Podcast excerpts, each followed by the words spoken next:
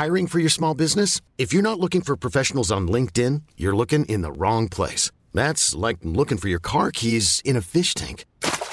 LinkedIn helps you hire professionals you can't find anywhere else, even those who aren't actively searching for a new job but might be open to the perfect role. In a given month, over 70% of LinkedIn users don't even visit other leading job sites. So start looking in the right place. With LinkedIn, you can hire professionals like a professional. Post your free job on linkedin.com slash achieve today. Hei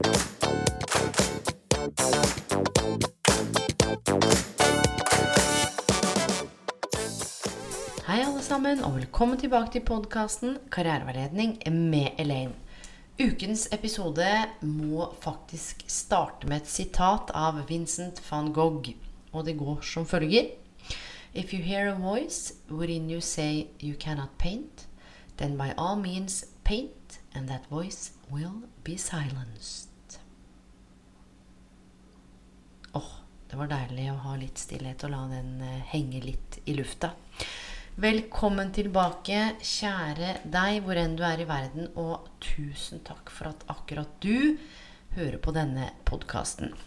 I dag så skal jeg snakke om noe som har eh, slått meg sånn skikkelig både mentalt og emosjonelt. eh, Både på bakgrunn av eh, noe jeg står i, og på bakgrunn av alle menneskemøtene jeg har innenfor karriereveiledning. Så det er en sånn slags blanding av empiri, utforskning av mønstre, egne refleksjoner.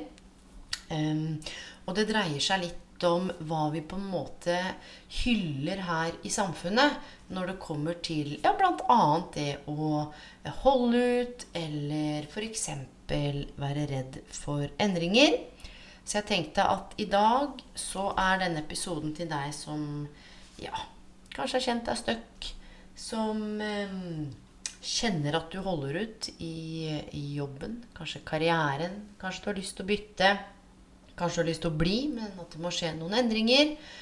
Um, denne her er til deg. Fordi det virker for meg som om, selv om nå arbeidsmarkedet har vært og er i endring, og vi ser jo på den globale økonomien og konkurransen, den globale konkurransen altså foregår med teknologien og ja, remote workers, og at det har skjedd kjempeendringer de siste både toårene og treårene og tiårene, så er det allikevel et eller annet i noen deler av samfunnet hvor man liksom priser det og holder ut lengst mulig. I gamle dager så handla det jo om liksom Oi, har du fått gullklokka? Wow, ja, du var der i 50 år. Ja, det får en si. Du er virkelig en stayer. Um, og det slår meg også Jeg skal bare vri det litt over til eh, privatlivet. Og det handler både om vennskap, det handler om eh, relasjoner, det kan handle om partnerskap, hva enn du kjenner treffer. Um, ja, hvor lenge, hvor lenge har dere vært sammen? Eller hvor lenge har du stått i den jobben? Eller hvor lenge har dere vært venner? Veldig sånn vanlig å spørre hvor lenge har du vært i den jobben? Eh, på lik linje som man spør eh, små barn. Ja, hva vil du bli? Akkurat som om hvor lenge en har vært i noe, eh, speiler eller gjenspeiler eh, kvaliteten på det en har stått i. Og dette her ser jeg så sinnssykt ofte fordi eh, den siste tiden så har jeg fått masse henvendelser om eh, dette med å stå i jobb eller bytte jobb. Dette med å stå i utdanning eller velge en annen utdanning. Hva skal jeg gjøre? Em, og så er det jo noe med ikke bestandig heise det hvite flagget.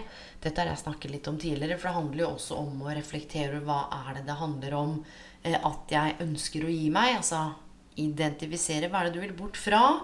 Supert, men også på en måte gjøre deg noen refleksjoner om hva du vil til. Og ikke minst hva som driver deg. Er det variasjon? Er det trygghet? Er det signifikans? Er det tilknytning? Er det intensitet? Er det et ønske om å bidra? Em, det er veldig mange jeg jobber med som er redde for at de har hatt hyppige jobbbytter. Altså når du ser på CV-en at noen har vært et sted i åtte år. Oh, lojal, stabil. Eller 15 år. Oi, oi, oi. Her er det en å, å, til å stole på.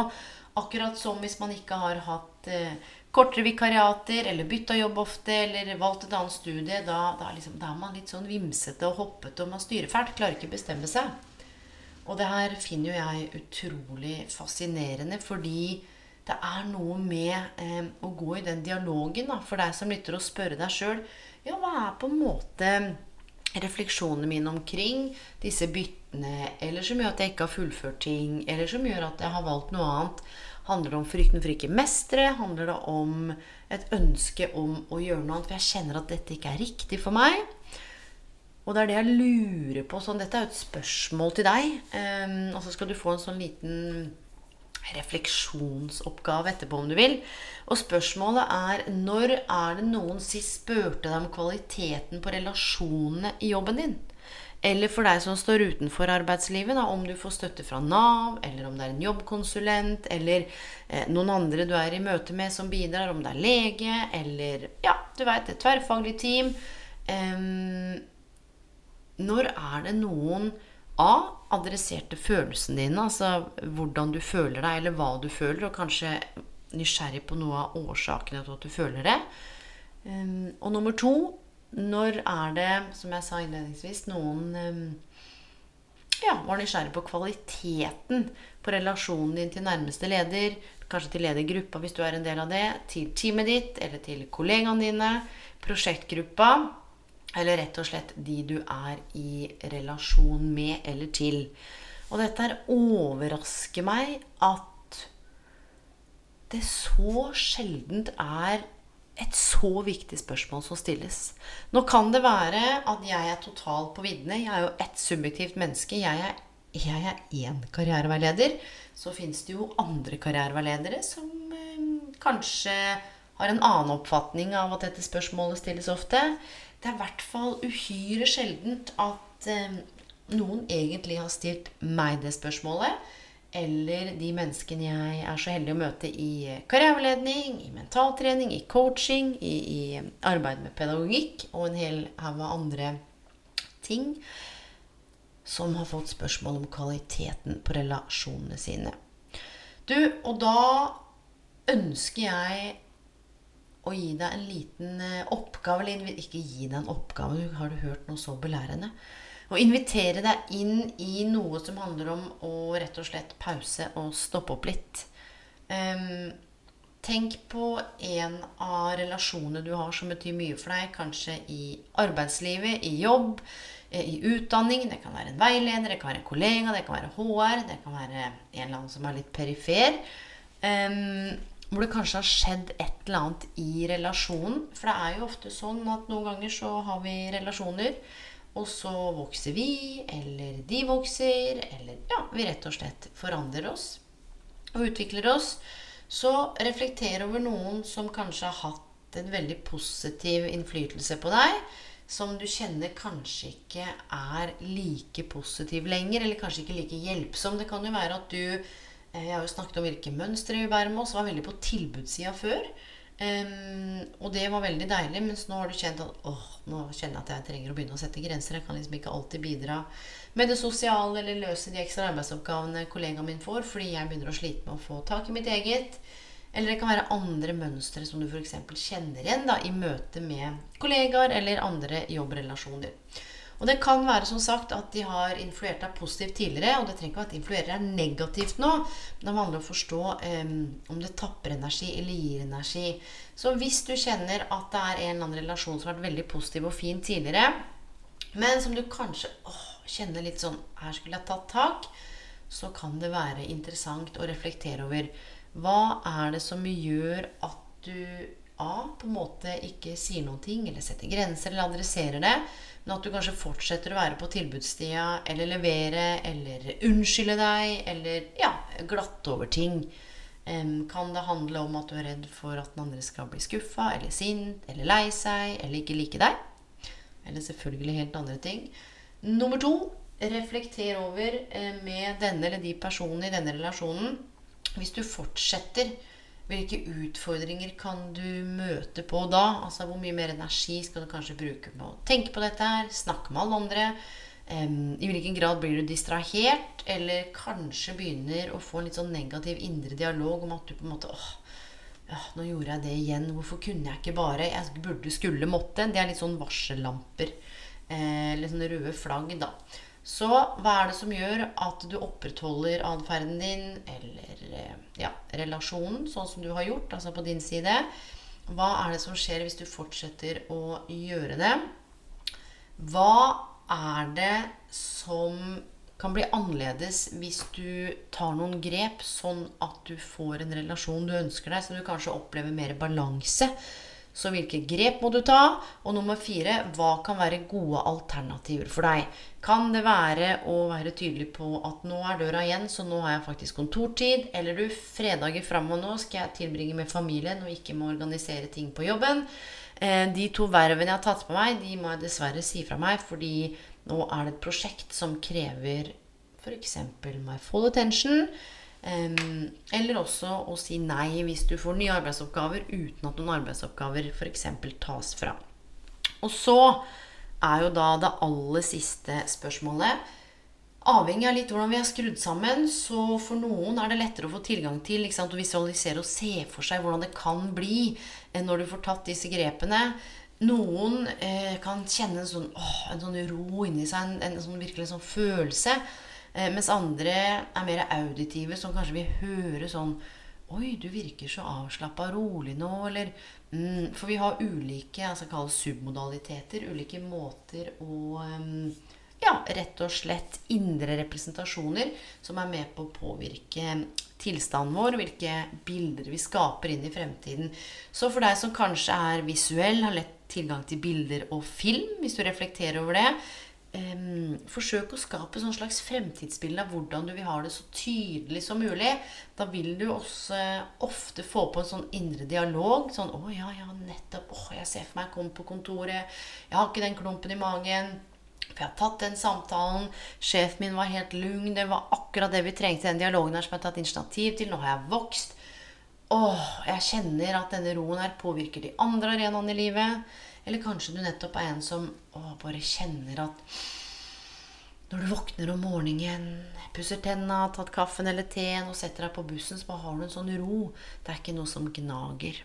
Og det her handler også om eh, for din egen del, hvis det er noen relasjoner som ikke er uhensiktsmessige eller vanskelig, det trenger ikke være så voldsomt, men å bryte mønsteret. hvis du kjenner at det er eh, viktig for deg, så handler det om å verken finne motet eller hoppe ut av komfortsonen, men rett og slett bestemme deg for at eh, i løpet av en eller annen dato så skal du kanskje få definert hva det er du kjenner på i den relasjonen, og virkelig tenke deg om om dette er en relasjon som du ønsker å ha med videre. Og da um, du definerer on your part hvordan du vil at den relasjonen skal være for din del.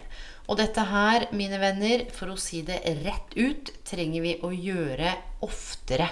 Både i møte med nære relasjoner, i møte med de litt fjerne relasjonene. Men det å gjøre et lite sånn inventar, liten inventor, liten varetelling.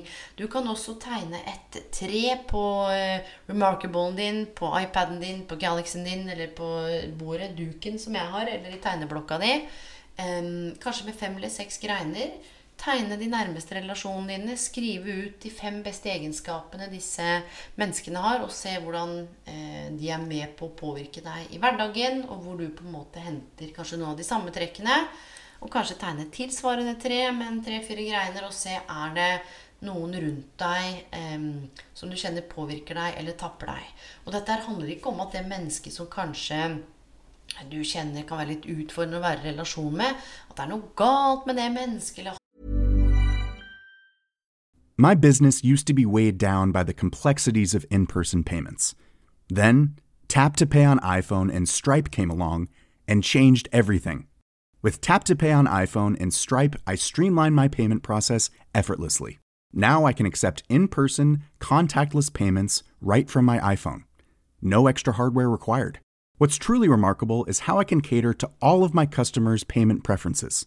Whether they're using cards, Apple Pay, or other digital wallets, Tap to Pay on iPhone and Stripe ensure a smooth checkout experience every time. And it's not just me. Stripe helps businesses of all sizes, from local markets to global retailers, scale quickly and stay agile. To learn how Tap to Pay on iPhone and Stripe can help grow your revenue and reach, visit stripe.com/tapiphone. Hold up. What was that? Boring. No flavor. That was as bad as those leftovers you ate all week. Kiki Palmer here, and it's time to say hello to something fresh and guilt-free. Hello Fresh. Jazz up dinner with pecan-crusted chicken or garlic butter shrimp scampi. Now that's music to my mouth. Hello Fresh. Let's get this dinner party started. Discover all the delicious possibilities at hellofresh.com. Nå skal man liksom gå og avslutte relasjonen. Men det handler om altså, Kan du være autentisk? Fordi vi balanserer jo, som jeg snakket om, på dette kontinuumet mellom autentisitet, det å fullt og helt kunne være oss sjøl, også på arbeidsplassen, også i nære relasjoner, og behovet for tilknytning. Så hvilke deler av deg selv må du redigere ut? Hvilke deler av deg selv kan du ta med? Og hva er det som gjør at du eventuelt kan ta med disse delene eller ikke? Dette her gjelder på jobbintervju. Dette her gjelder i møte med verden generelt. Og med det, mine venner, så håper jeg du virkelig har fått noe å tenke på. Ehm, så ønsker jeg deg en god kveld, god natt eller god morgen hvor enn du er i verden. Og som vanlig digger deg og på gjenhør.